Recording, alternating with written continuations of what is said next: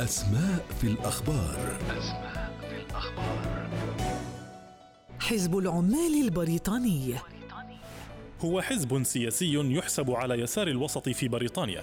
يرجع تاريخه إلى عام 1900 حيث تكونت لجنة لتمثيل العمال في البرلمان. جذوره بدأت خارج البرلمان من اتحادات أبرزها نقابات العمال ومجموعة الجمعيات الاشتراكية وحزب العمال المستقل. من أبرز أهداف الحزب إعادة توزيع الثروة من خلال نظام ضريبي تصاعدي حسب الدخل وذلك لمصلحة العمال وعائلاتهم. أصبح الحزب منذ العام 1924 ثاني أكبر الأحزاب في بريطانيا.